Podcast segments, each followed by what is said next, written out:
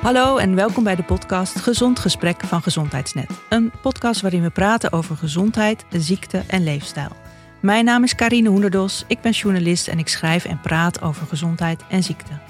Gezond Gesprek is de podcast van gezondheidsnet.nl, de nummer 1 website in gezondheid van Nederland. Over elke podcastaflevering kun je een artikel teruglezen op gezondheidsnet.nl. Gezond Gesprek is ook aangesloten bij Vriend van de Show.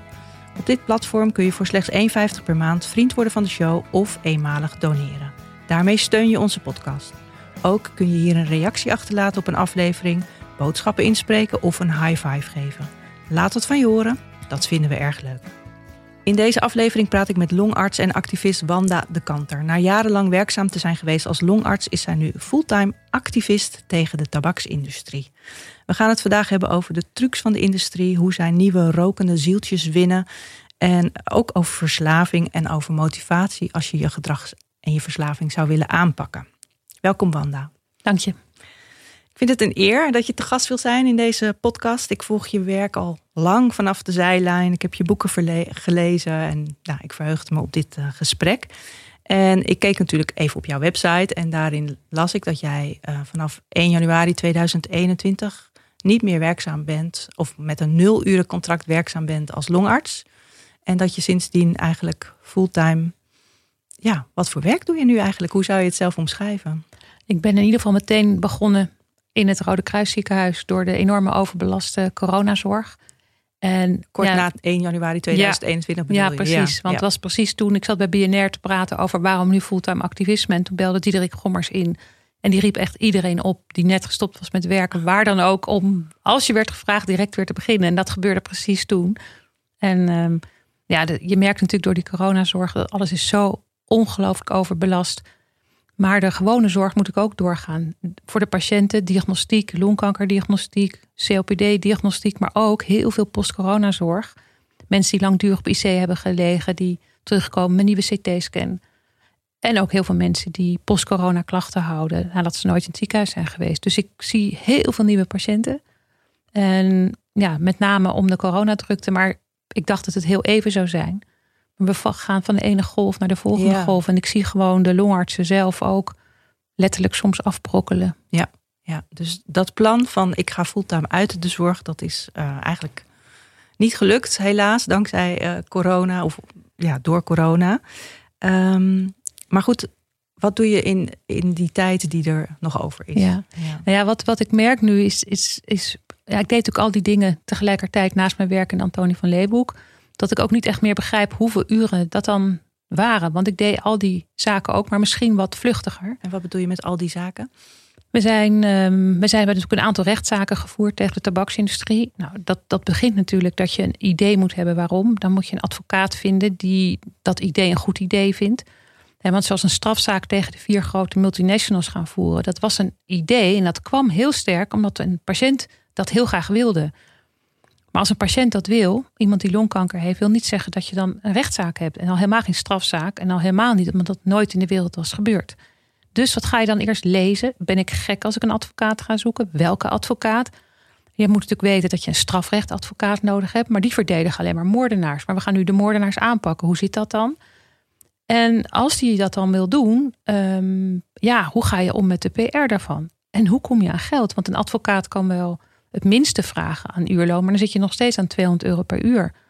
Mensen willen wel geld geven voor een ziekenhuis waar je kanker behandelt. Mensen willen geen geld geven voor advocaten die anders moordenaars verdedigen. Dus het is niet zo makkelijk om geld op te halen. Dus sponsoring. Dus dat kostte allemaal heel veel tijd, zo'n rechtszaak. En dat deed je dan nog naast je werk als, als arts. Ja. En op een gegeven moment dacht je, nou, dit loopt de spuigaten uit? Of... Ja, ik, ik dacht, weet je, de, longartsen zijn er, zijn er genoeg in zekere zin. En een hele goede longartsen. En ik, ik hield heel erg van mijn werk. Ik ben natuurlijk al bijna 40 jaar dat ik arts ben en al zo lang dat werk doe. En ik mis de patiënten, zou ik ook hebben gemist, waar het niet dat ik nu weer waarneem.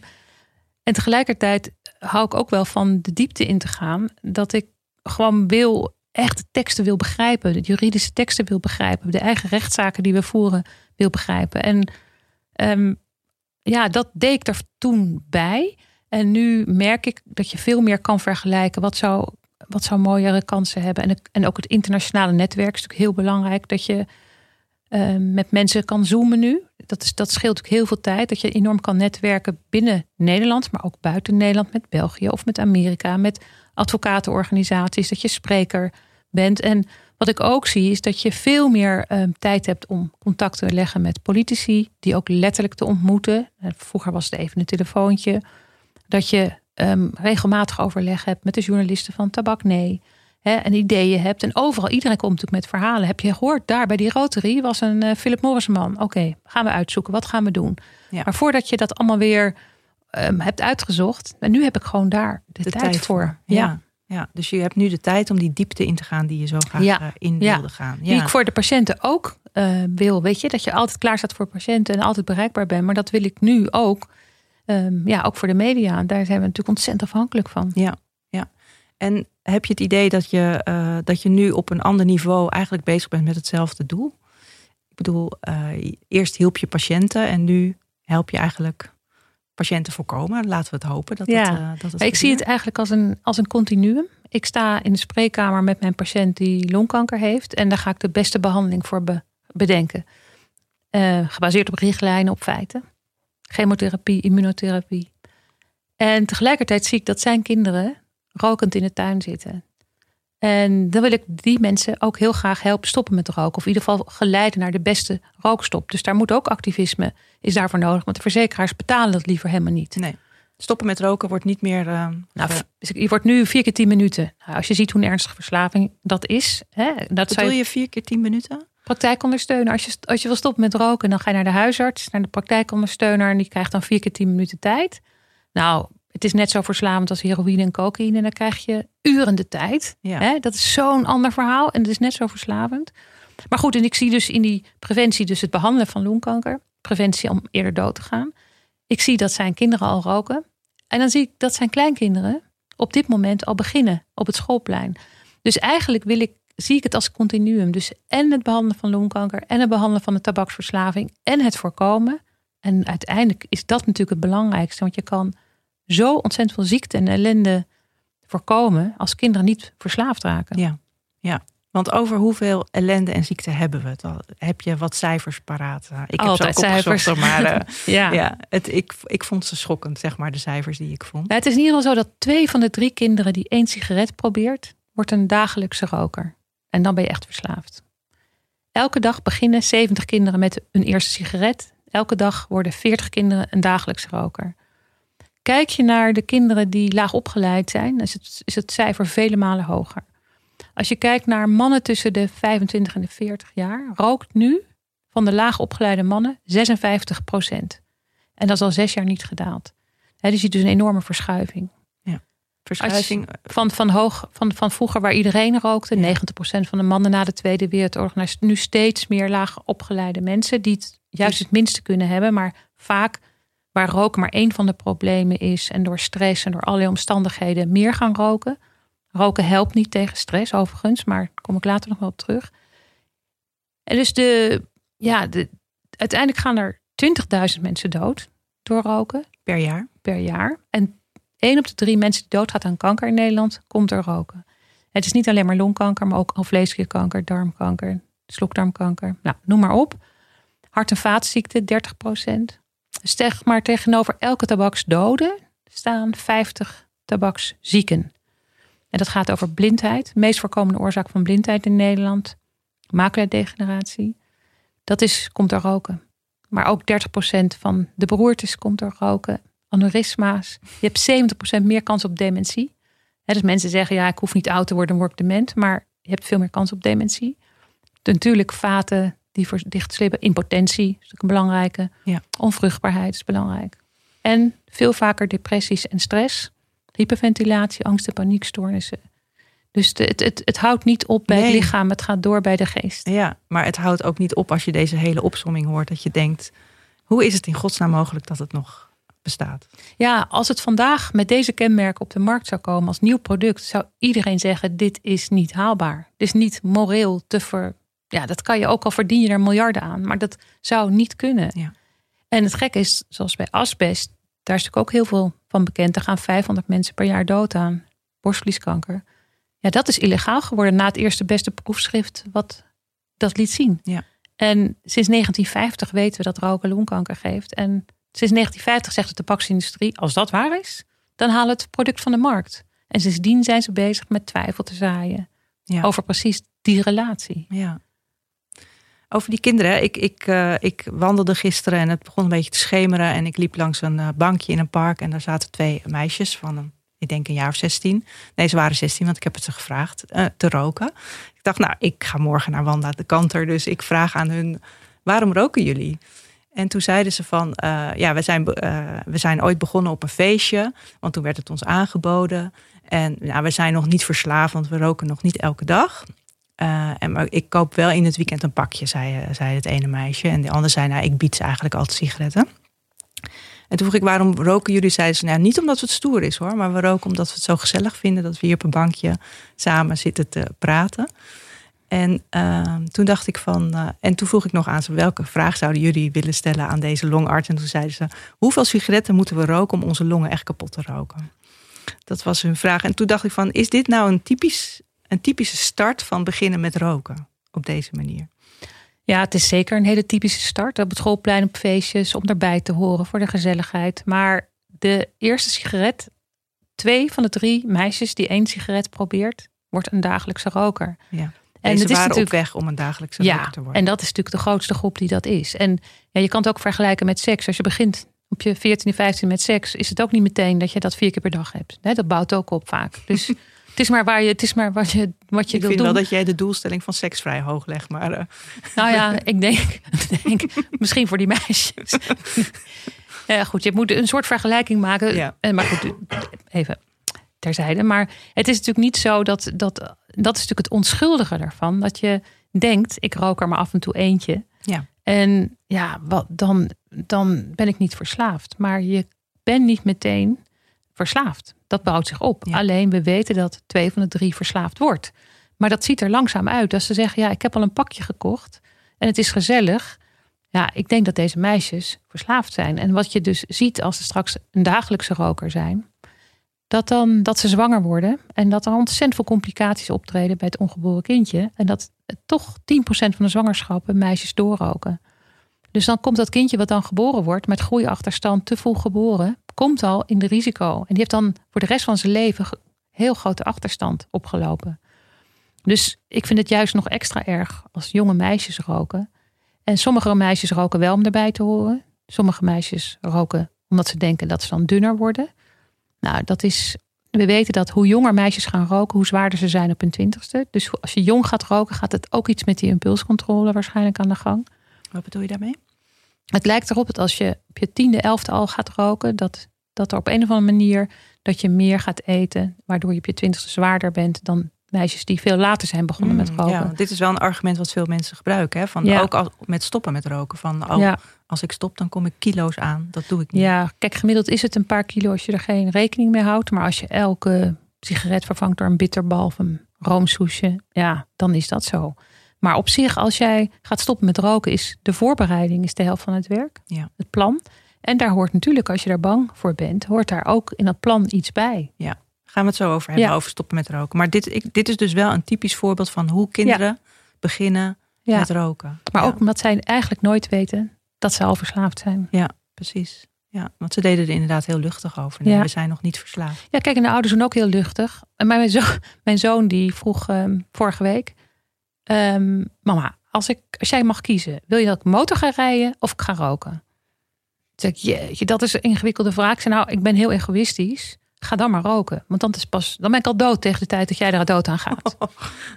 Ja, dus. Ja, ja precies. Kijk, dat is natuurlijk het, het, het, het verschrikkelijke van die sigaret. Dat het een sluipmoordenaar ja, is. precies. En Ik dat zie- hadden ze op zich wel door. Want ze vroegen hoeveel sigaretten moeten we roken om onze longen kapot te Ja. roken. Oh ja, dat was, dat was ook een vraag. Nou, Ja, Het is zo dat als je bij kijk, sterk verhoogde kans op hart- en vaatziekten wordt al bereikt bij één sigaret per dag. ja. Dus, dus, dus er is geen veilige hoeveelheid. En kanker kan je ook krijgen van weinig sigaretten. Natuurlijk is er een dosis-responsrelatie, maar er is niet een veilige hoeveelheid. En de mensen die zeggen dat ze alleen maar het weekend roken, maar dan wel twee pakjes hebben, ook heel veel kans op, op, op nieuwe mutaties, wat uiteindelijk kanker kan geven. Ja, ja. Wanneer ben jij nou begonnen? Want je zag al die mensen met longkanker. eh, in het verleden heb je zelf ook gerookt, hè? je zag al die mensen met longkanker, je zag die effecten dus in de spreekkamer van roken. Wanneer ben je begonnen met je pijlen te richten op, op de industrie? En... Ja, dat is heel organisch gegroeid. Ik, ik rookte ik was ook nooit van plan om te stoppen. Ik vond het helemaal niet relevant. Ik vond het stom. Mensen die erover begonnen, die rokende longarts, ik werd uitgelachen.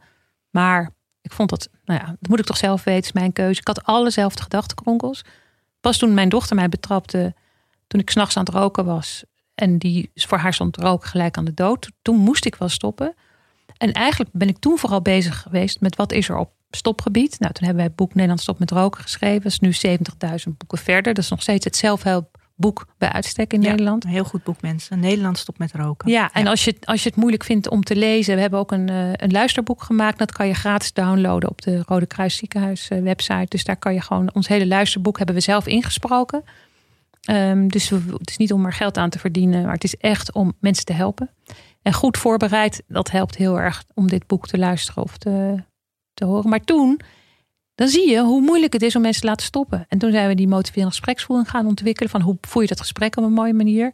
Maar dan nog beginnen er elke dag weer 70 kinderen hun eerste sigaretten roken. Waar zijn we mee bezig? Ja. Dat, dat groeide heel langzaam. De kraan ging niet dicht. En, nee. nee. En dan heb je nog een beginidee. Als ik nou aan de minister allemaal vertel wat ik allemaal weet, dan is het probleem toch zo opgelost. Zo naïef ben je in het begin. Je kan toch niet als je dit allemaal weet het door laten gaan. Nou, daar dacht mevrouw Schippers toen nog minister van Volksgezondheid heel erg anders over. Die heeft zelfs de horeca-rookstop teruggedraaid. En elke keer was er weer. En zo heel langzaam kom je erachter dat er allerlei politici zijn die ongelooflijk aan de kant van de tabaksindustrie staan. En dan, maar hoezo? Wie zijn die tabaks? Wie is dat eigenlijk? En zo heel langzaam kwamen we erachter dat we moeten stoppen dat die tabaksindustrie nog met onze politici praat. Dat was onze eerste rechtszaak in 2015. Er was een rechtszaak tegen de overheid dat zij toch in de Tweede en Eerste Kamer uitgebreid contact hadden met de tabaksindustrie, inclusief ministerie van Financiën en VWS.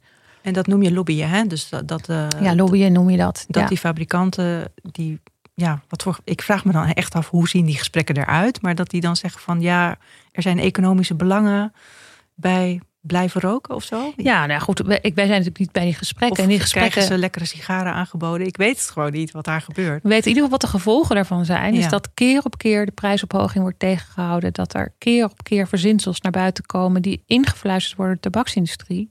We weten natuurlijk dat ze een hele groot, dat ze stemmers hebben en frontgroups hebben die ervoor zorgen dat ze doen alsof er heel veel mensen zijn die anders gaan stemmen als jij niet gratis sigaretten ongeveer kan krijgen. Dus Ah, het, het is, en met name de, de politieke achterban. En het is, een, het is een probleem van alle politieke partijen. De SP vindt het zielig voor arme mensen als de sigaretten duurder worden. En dan zeggen wij, ja, arme mensen help je met een, met een goede baan en met een basisinkomen of, of dat soort dingen. Maar niet met gratis sigaretten of goedkope sigaretten. En de VVD is heel erg de vrijheid.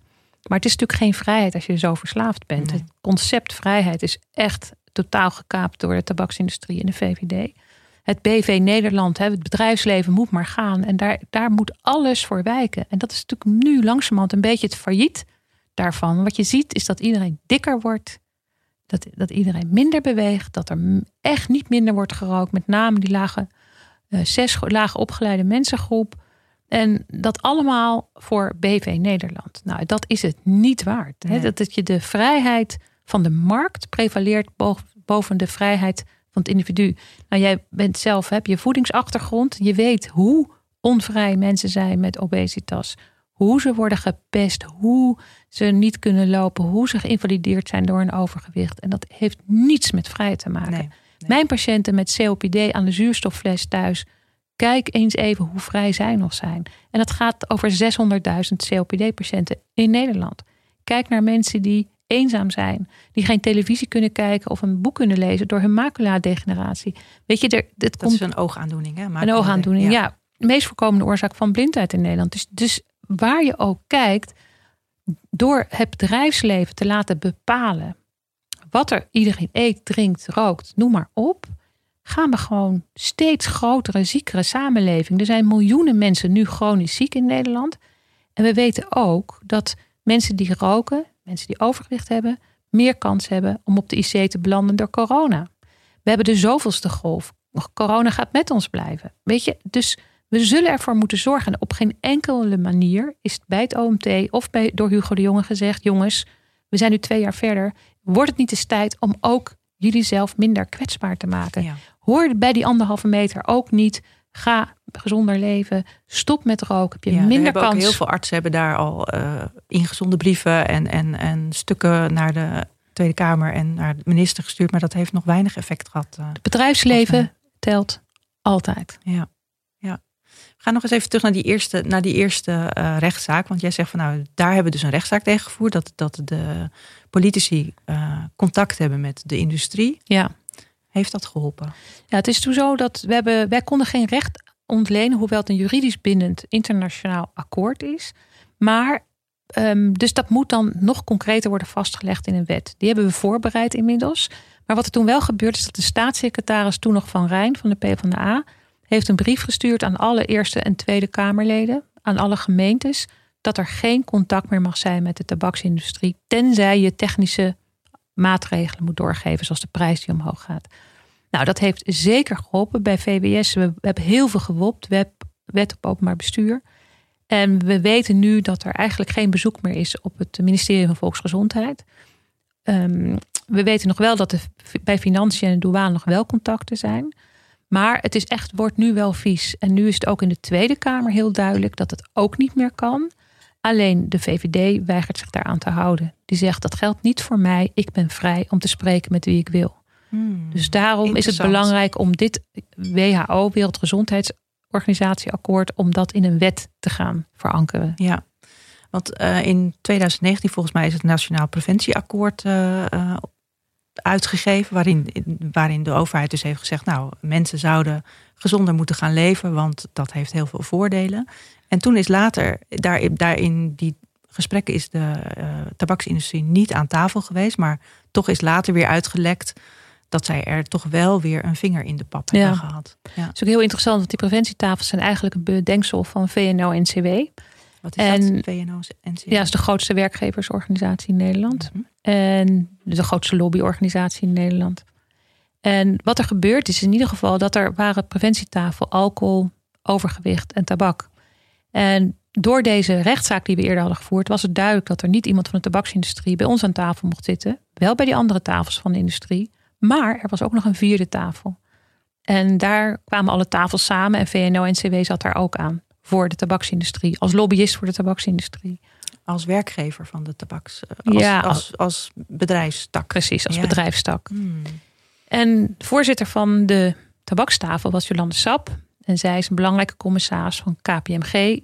Die in 80 landen de rapporten voor Philip Morris maakt.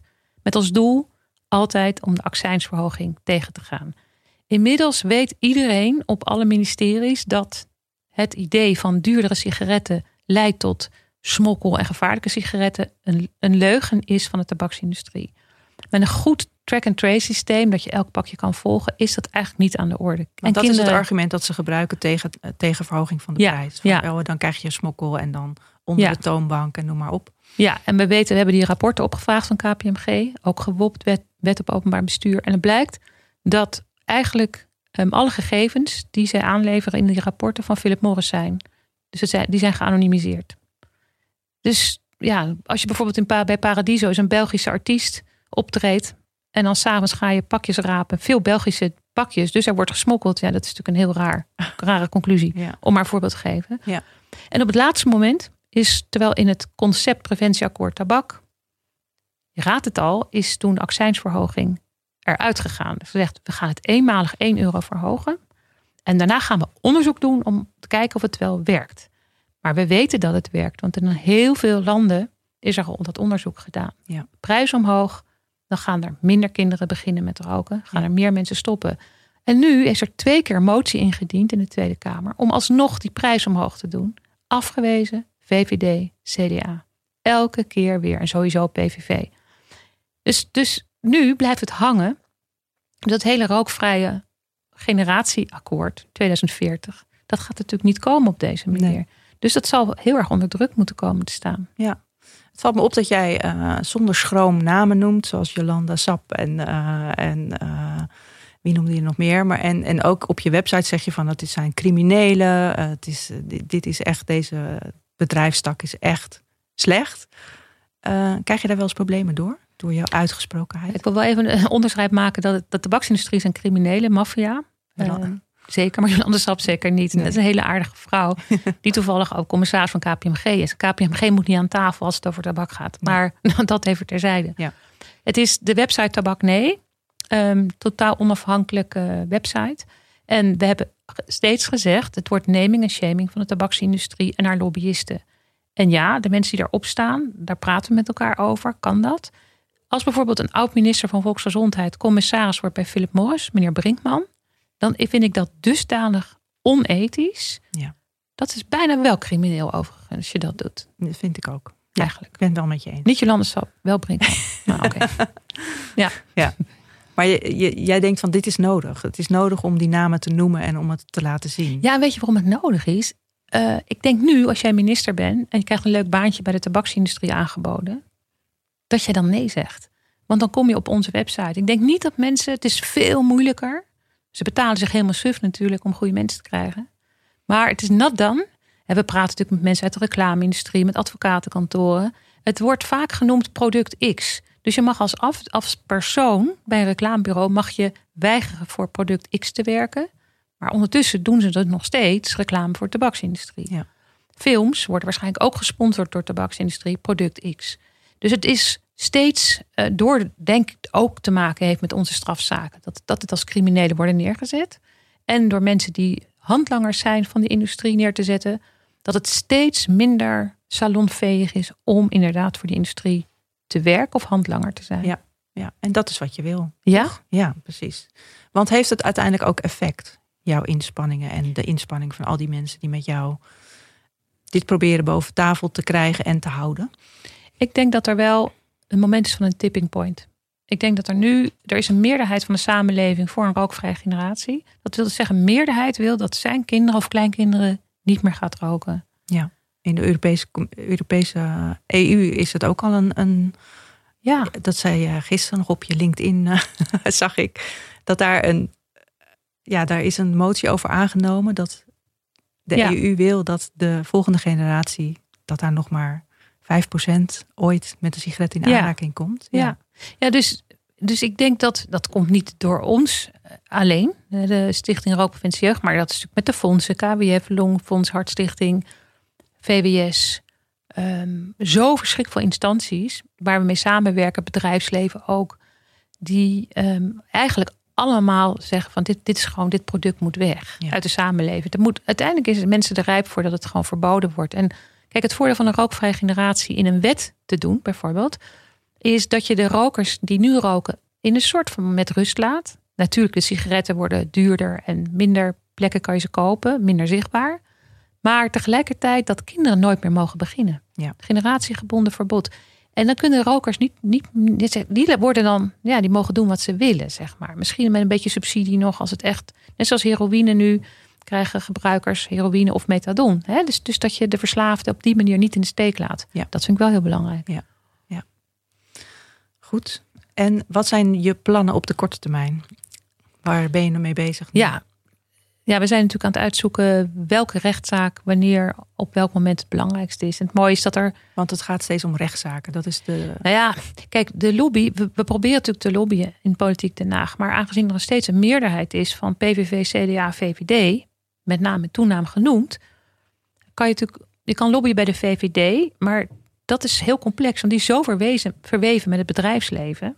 Ja. Ja, op het moment dat Rutte zat bij Linda op de bank in een interview. En die zegt gewoon, ja, ik haalde elke week sigaretten voor mijn moeder, twee pakjes, weet ik wat. Mijn moeder werd wel 90. Oh, Maar als je kijkt naar statistiek, ja, als je tien mensen hebt die over de, ik vergelijk dat met eentjes, tien eentjes over de snelweg lopen, komt er ook eentje aan de overkant. Ja. Die ene, dat is de moeder van Mark Rutte. En die negen liggen plat gewalst onder de auto, hoor je niks meer van. Van der Laan, Johan Cruijff, we kennen zoveel mensen die vroegtijdig dood zijn gegaan. Aan de gevolgen van roken, die hoor je niks meer van. Dus je ziet alleen maar de overlevers. Ja. De mooie meisjes op het terras die zitten te roken en de oude mannetjes of de moeder van Mark Rutte die nog rookt. Maar niet al die mensen die wij zien doodgaan. Die huisartsen en wie dan ook zien doodgaan. En we zijn nu ook bezig met het ehm, creëren van... We hadden tijdens de strafzaak een beweging, de sick of smoking. Omdat wij hoopten dat als het, de strafzaak door zou gaan... dat het ook internationaal door zou gaan. is een Engelse naam. Beweging? Dat is een beweging van mensen die ziek zijn geworden door roken. Ja. We hebben het nu zijn we aan het, wat aan het, aan het veranderen in meer de toon van een nabestaande beweging. Want je ziet dat mensen die ziek worden door roken, geven zichzelf de schuld. Er zit enorm stigma op. Ja. En nabestaanden hebben dat stigma niet. Dus wij, zorgen, wij proberen nu te kijken hoe we nabestaanden um, op de website kunnen gaan verenigen met videobeelden, met, met verhalen, met geschreven verhalen. En op die manier een soort grassroots, grassroot organiseren. Met hulp van, van derden natuurlijk. En van, van TikTok doet mee. Mhm. En buiten de algoritmes om. Ze hadden heel snel anderhalf miljoen views op TikTok. En om te kijken of we een beweging kunnen creëren waardoor de politieke druk groter wordt. Waardoor we straks bij de volgende rechtszaak meer geld op kunnen halen voor de advocaten. Waardoor we meer mensen kunnen bereiken die ook weer hun verhaal willen delen. Je hebt ook mensen nodig die kunnen filmen, die kunnen editen, die dat posten. Want wij doen eigenlijk alles zonder, alleen maar met vrijwilligers. Ja. De enige die betaald worden bij ons zijn, het, zijn de journalisten van Tabak Nee en de advocaten. En de rest doen we allemaal gewoon zelf. Ja, wat je dus wil is, die, is juist die slachtoffers een gezicht geven. Uh, en dan niet die overlevende slag, die overlevers, maar juist ook al die andere mensen die veel, vele malen in de meerderheid zijn, uh, laten zien van ja, dit is wat de tabak eh, heeft teweeggebracht. Ja, als je ziet, als één iemand doodgaat, sowieso als één iemand doodgaat, zijn er minstens tien mensen aan het rouwen. Ja. En, en dat zijn familieleden, dat, ja, dat had niet gehoeven. Mijn nichtje ging dood op haar veertigste aan longkanker. Ja, daar hebben haar dochter heeft meegewerkt aan een filmpje op TikTok. Om te vertellen hoe het voor haar was toen ze heel jong was en naar huis moest komen om afscheid te gaan nemen van haar moeder. Ja. Die verhalen hebben natuurlijk heel veel impact. En je kan onmogelijk zeggen tegen een kind van iemand die doodgegaan is aan longkanker. Ja, jij bent daar schuldig van. Dat doen ze wel bij die moeder, maar dat doen ze niet. En ik ben het niet eens met dat stigma. Maar ik zie dat dat mensen weerhoudt om actie te voeren. Net zo goed als er heel weinig mensen eigenlijk. Is er ooit een rechtszaak in Nederland geweest om schadevergoeding? De tabaksindustrie heeft eigenlijk volledig vrij spel. Ze hoeven niets te betalen, alle, alle ziektekosten die ze veroorzaken. Ze hoeven niets te betalen, alle milieuschade die ze veroorzaken. Zij zijn, de vervuiler betaalt helemaal niets. Ja.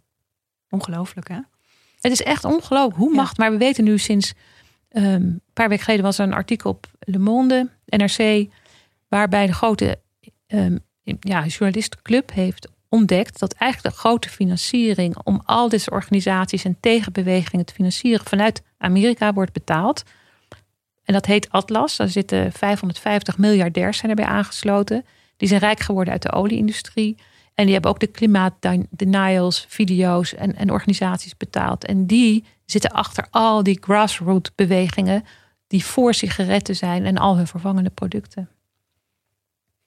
Oké, ik, ik vind het echt shocking. Ja, ja.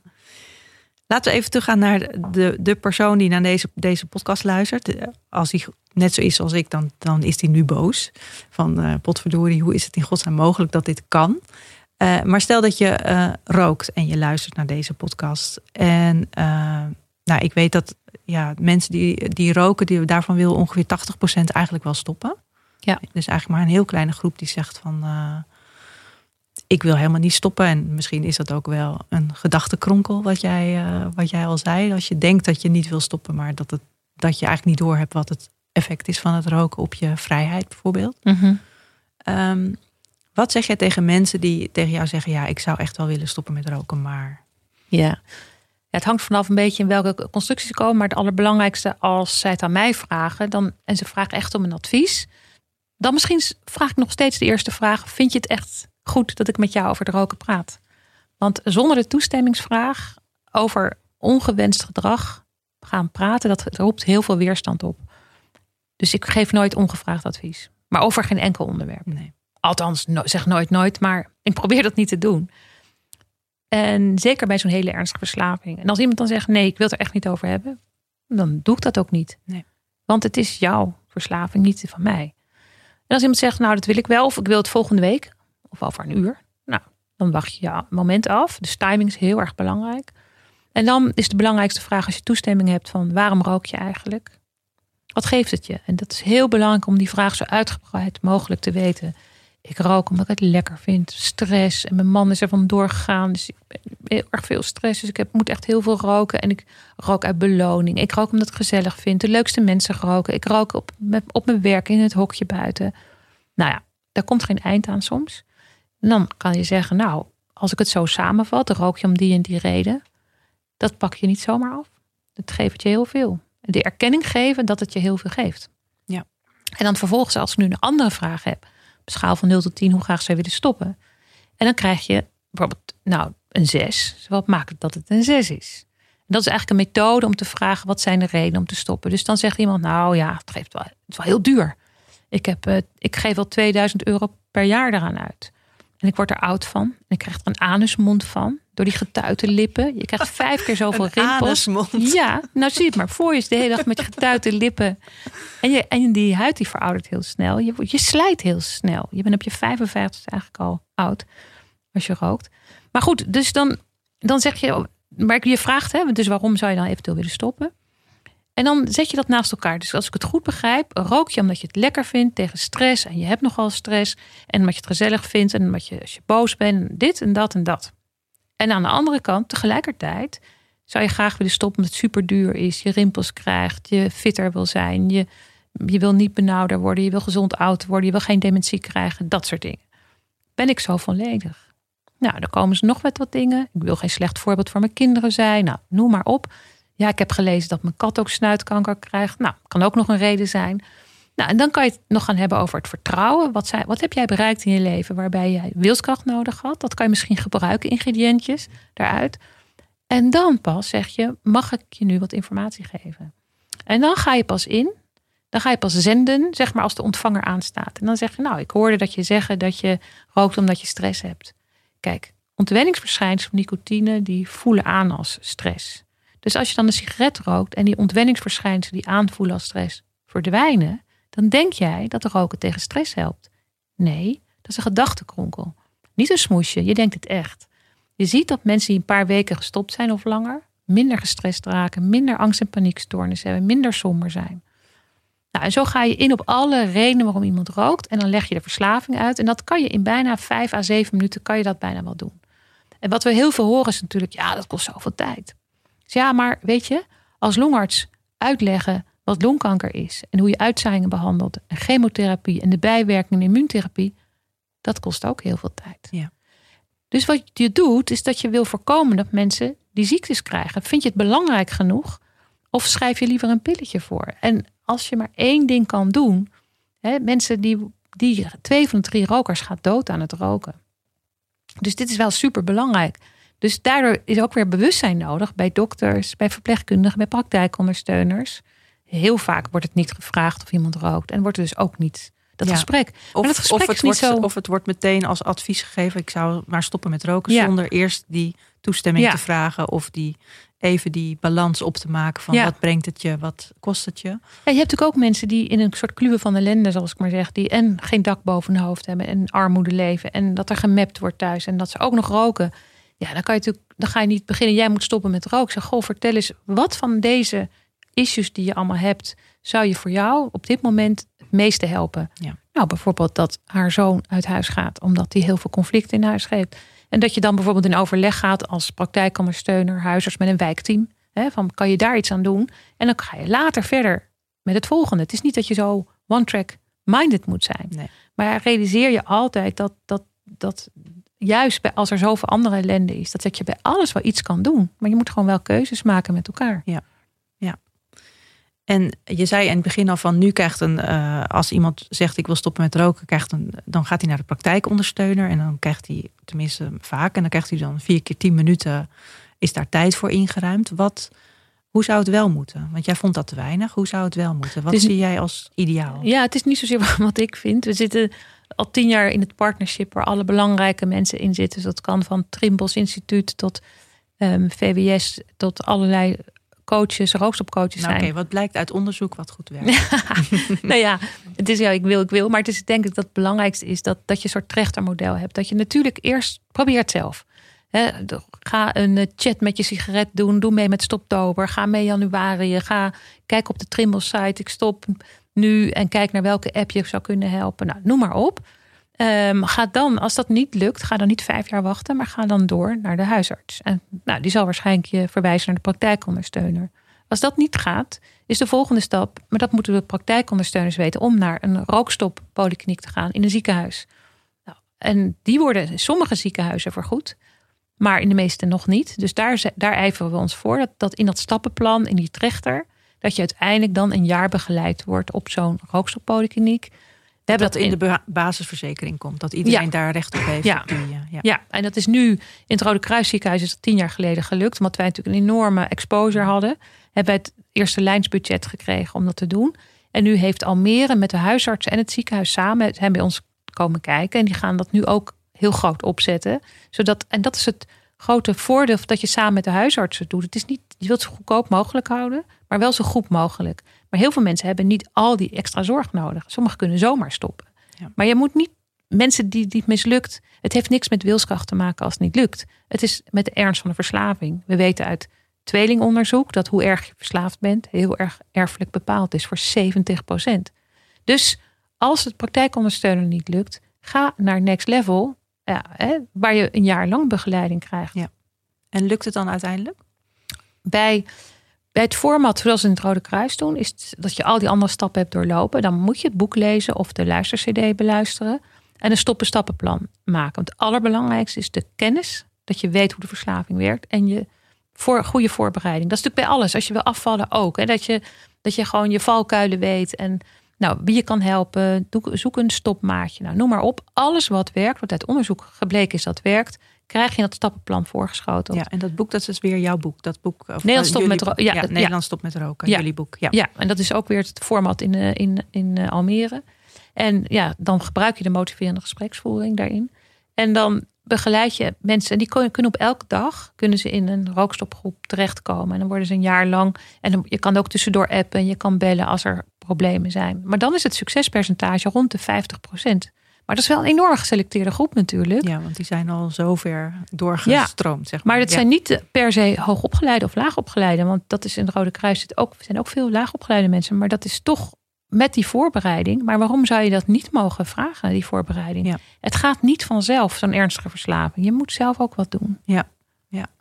En deze, deze podcast komt zo half december online. En ik weet dat veel mensen uh, rond 1 januari zich voornemen om te stoppen met roken. En ik, heb vaak het idee dat het dan zo is van nou op, op 31 december nog even snel uh, dat pakje leeg roken en uh, gezellig drinken en een feestje. En dan paft, boom, uh, eh, 1 januari, ja. cold turkey stoppen. Maar als ik jou zo beluister, dan is dat echt niet de goede methode. Nou ja, kijk, het is, het is, het is, het is een, een, hele, een heel goed dat heel veel mensen dat, dat proberen te doen. Ja. Je weet dat zonder voorbereiding en zonder begeleiding, dat na een jaar 95% weer rookt. Dus van alle mensen die gestopt zijn per 1 januari. En dat is natuurlijk, dat getal kan je echt wel hoger doen. En als je dat van tevoren wat meer kennis hebt over je verslaving, en dan helpt dat wel. Ja, ja dus bereid het voor. Ja, dat is 1 januari. Ja, we hebben de Stoptoberhuis gaan we altijd mee en, en, en in, de, in de begeleiding de eerste week. En toen hebben we ook aan, aan eh, Debbie Prijs, die de, die de Stoptober um, organiseert, gezegd: wij vinden het wel belangrijk dat we in september dat ze al dat iedereen gewoon stappenplannen maakt en ons instuurt. En dat, want voorbereid heb je echt grotere kans dat mensen begrijpen wanneer ze terug gaan vallen. Want het belangrijkste van deel van de tabaksverslaving is niet zozeer de eerste dagen de ontwenningsverschijnselen. Die mhm. vallen mee. Hè, want als je het vergelijkt met cold turkey, heroïne, valt het bij tabak erg mee. Maar het grootste risico zit erin dat je, ehm, dat je, dat je al die koppelingsmomenten, omdat tabak, de nicotine zo snel in je brein komt, koppel je de sigaret aan hond uitlaten, boos, verdrietig, sterfgeval, noem het maar op. En dat is ingesleten in je brein. En dat voor elke handeling moet je drie maanden die handeling regelmatig doen voordat dat uitslijt. Die handeling zonder de sigaret dan. Ja, dus bedenk iets. Wat ga je doen als je een hunkering krijgt de komende maanden? Die duurt maar drie minuten, maar wat ga je doen? Ik vergelijk het wel als, als ineens heel glad is buiten. Dat je dan voorzichtig naar buiten loopt om niet uit te glijden. Nou, in feite heb je, is dat langere tijd. Dat is niet na een paar dagen over. Je moet maandenlang voorzichtiger leven, per dag kijken. Want terugval is altijd al voorbereid. Het is niet zo dat je ineens met een sigaret in je hand staat die daar van beneden naar boven is gewoon. Dat gebeurt meestal niet. Meestal denk je s ochtends al, ik ga vanavond met die jongen uit. Oh ja, dan rook ik altijd mee. Dan heb je al een beslissing genomen. Nou, één sigaret kan toch wel? Mm. Je geeft jezelf toestemming. En zie jezelf als niet-roker? Nee, is nee. Klaar. Oké. Nou, tot zover de adviezen voor iedereen die wil stoppen met roken. En ik hoop heel, dat heel veel mensen dit ook gaat lukken. Ehm, nog eventjes naar jou en naar jouw strijd tegen de, tegen de tabaksindustrie. Eh, je zei al van, nou, we zijn weer rechtszaken aan het eh, voorbereiden. Ehm, als je zo terugkijkt naar de strijd die je tot nu toe hebt ge- geleverd, zijn er ook al goede dingen gebeurd en, en zijn we op de goede weg? We zijn, we zijn zeker op de goede weg. Je zei al van over de politiek natuurlijk dat het al steeds meer nat dan wordt, dat er wordt gelobbyd. En, Ja, Dus dat is natuurlijk een factor. ja. En maatschappelijk gezien? ja, maatschappelijk is er ook een brede beweging op gang gekomen die die rookvrije generatie omarmt. Dus dat is er zeker gebeurd. Dat was tien jaar geleden nog niet aan de orde. Nee, we zijn zeker op de goede weg. Tegelijkertijd ehm, ja, is er nog heel veel, heel veel werk te doen. Maar ik denk dat het. Kijk, stel dat de VVD ineens denkt. Misschien is toch preventie, preventie wel een goed idee om mensen fitter te houden, ze langer aan het werk te houden, ze, ze langer te kunnen laten bijdragen aan de maatschappij. Je denkt nu in VVD-voordelen. Ja, voordelen, het, ja. werk, werkgelegenheid en fit houden. Dan ineens kan het heel snel gaan. Hmm, Oké. Dus dit is ook een oproep aan de VVD. Zeker. Alle mensen die stemmen op de VVD. Ja, Van, eh, ja dat, dat is zeker zo. ja, Ja, ja. Want dat is uiteindelijk wel de weg die het meest succesvol kan zijn. De politiek. ja want je kan, ehm, als je sigaretten zo niet duurder maakt en op elke straat ook te koop zijn, dan, dan wordt het heel moeilijk om, het, om er iets aan te gaan veranderen. En het zit natuurlijk overal. Het zit in films, het zit, op, het zit in games, het zit in Instagram, TikTok. Overal waar kinderen zijn, zie je, zie je de tabaksindustrie. En dat moet verdwijnen. Ja. Ja. En we hebben nu een mooie beweging ook samen met eh, een aantal mensen van de, die peuken oprapen. Van uiteindelijk is dat natuurlijk ook weer dweilen met de kranen open. Dat is onze longkankerbehandeling. Peuken oprapen, ja, daar komen triljar, triljoen peuken in het milieu. Die geven enorm veel ehm, schade aan de plastic soep in de oceaan. Want in de filters zitten microplastics. Dus dat is plastic wat vervuilen kan. De filter is bedacht om mensen de illusie te geven dat het kanker zou filteren. Maar dat is niet zo. Het is een truc geweest van de industrie in 1950 ontwikkeld om mensen het idee te geven dat je dat kankerverwekkende stoffen bleven hangen in de filter, maar dat is niet zo. En die filter zit wel stampvol met rotzooi en dat komt wel in het milieu terecht. En we hebben nu met elkaar ook eh, internationaal gezegd: het gaat niet om peuken oprapen, het gaat om filters verbieden. Ja. Dus daar zitten we allemaal op één lijn. Dus er zit nu veel meer dat we elkaar vinden, ook in Europese verbanden. Het moet op een gegeven moment afgelopen zijn. En ook de EU, het grote EU-kankerpreventieplan, daar staat nummer één tabak in. En dus prijs. Dus eigenlijk zit hier best wel een positieve dame aan tafel. Het is een beetje het moment van de dag dat je het vraagt. Want er zijn ook wel eens momenten dat je nog woest bent. En, Ja. eh, ja. ja. Oké. Goed. Nou, zijn er verder nog dingen die je wil vertellen of die je wil, waar je de luisteraar nog even van wil doordringen? Ja, ik denk dat het, ehm, dat het gewoon heel goed voor jezelf is als je, als je rookt. Dat je denkt aan, ja, wie wil ik. Voor mij was het een belangrijke reden dat het argument van mijn dochter van wil je mijn moeder dan niet zijn? Dat het stoppen voor een ander super belangrijk is. Mm. En als je daaraan denkt en daar een foto in je portemonnee of op je iPhone zet, van dat is een belangrijke reden voor mij. Met als ik alle goede dingen doe voor mijn kinderen, is dat ook wel iets heel erg fijn voor de kinderen om te doen. Ehm, een kwart van de rokers haalt zijn pensioen niet eens. Weet je, en dat zijn er best veel. En jij wil daar niet bij horen als moeder of als vader, als oom, tante, vriendin. En dan als het dan te laat is, is het zo verdrietig. Ja. Ja, nieuw jaar is een mooie kans. En extra, extra voor de corona denk ik dat je jezelf minder kwetsbaar maakt. Ja. Minder risico loopt om op de intensive care te komen. Oké, en dat is dus voor jezelf. Als je zelf eh, denkt van nou, ik, ik wil stoppen voor die ander. Wat kun je doen als je het idee hebt, mijn puber is hier gevoelig voor. Of misschien mijn puber rookt al. Of ik ben bang dat mijn kinderen gaan roken. Wat kun je dan doen? Nou, Belangrijk is ten eerste zelf niet roken als voorbeeld. Ten tweede is inderdaad zeggen, eh, verbieden. Hè, dat, dat, dat helpt. Verbieden En- helpt. Verbieden als je nog niet verslaafd bent. Als je nog niet verslaafd bent, je hebt toch een, een soort extra want, met uitleg. Want als je er eentje rookt, twee van de drie wordt verslaafd. En zie aan die en die en die hoe moeilijk het is om af te komen. Als je eenmaal merkt dat een kind al rookt en al heel snel verslaafd is, ja, dan is hij weinig toegankelijk meer. Ehm, dus als ouder politieke druk uitoefenen. Als ouder je kind verwijzen naar TikTok, waar we al dit soort filmpjes voor hebben staan. Die, kind, die heel erg gericht zijn op influencers en kinderen ook. En ehm, hoeveel geld kost het wel niet als jij straks een pakje per dag moet roken? Uiterlijk, uh, stank. Dat helpt natuurlijk in het nu. Kinderen kan je alleen maar waarschuwen bij situaties in het nu. En wat je merkt, dat kinderen heel boos worden. Ik heb veel, veel jonge mensen gesproken voordat ze verslaafd zijn op die tactieken van de tabaksindustrie. Dus verdiep je in de website van Tabak Nee. Kijk wat de tabaksindustrie er allemaal in stopt. Suiker, drop, honing, menthol. Niets is verzonnen. Het is, alles is gedaan om die eerste sigaret inhaleerbaar te maken. Oude mensen beginnen niet met roken. Kinderen zijn de doelgroep. En ze noemen de kinderen replacement smokers, vervangers. Zij die de dode roker moeten vervangen. Daar worden kinderen woestboos over als ze dat horen. En terecht. En terecht. Ja, oké. En ik ook. Ja.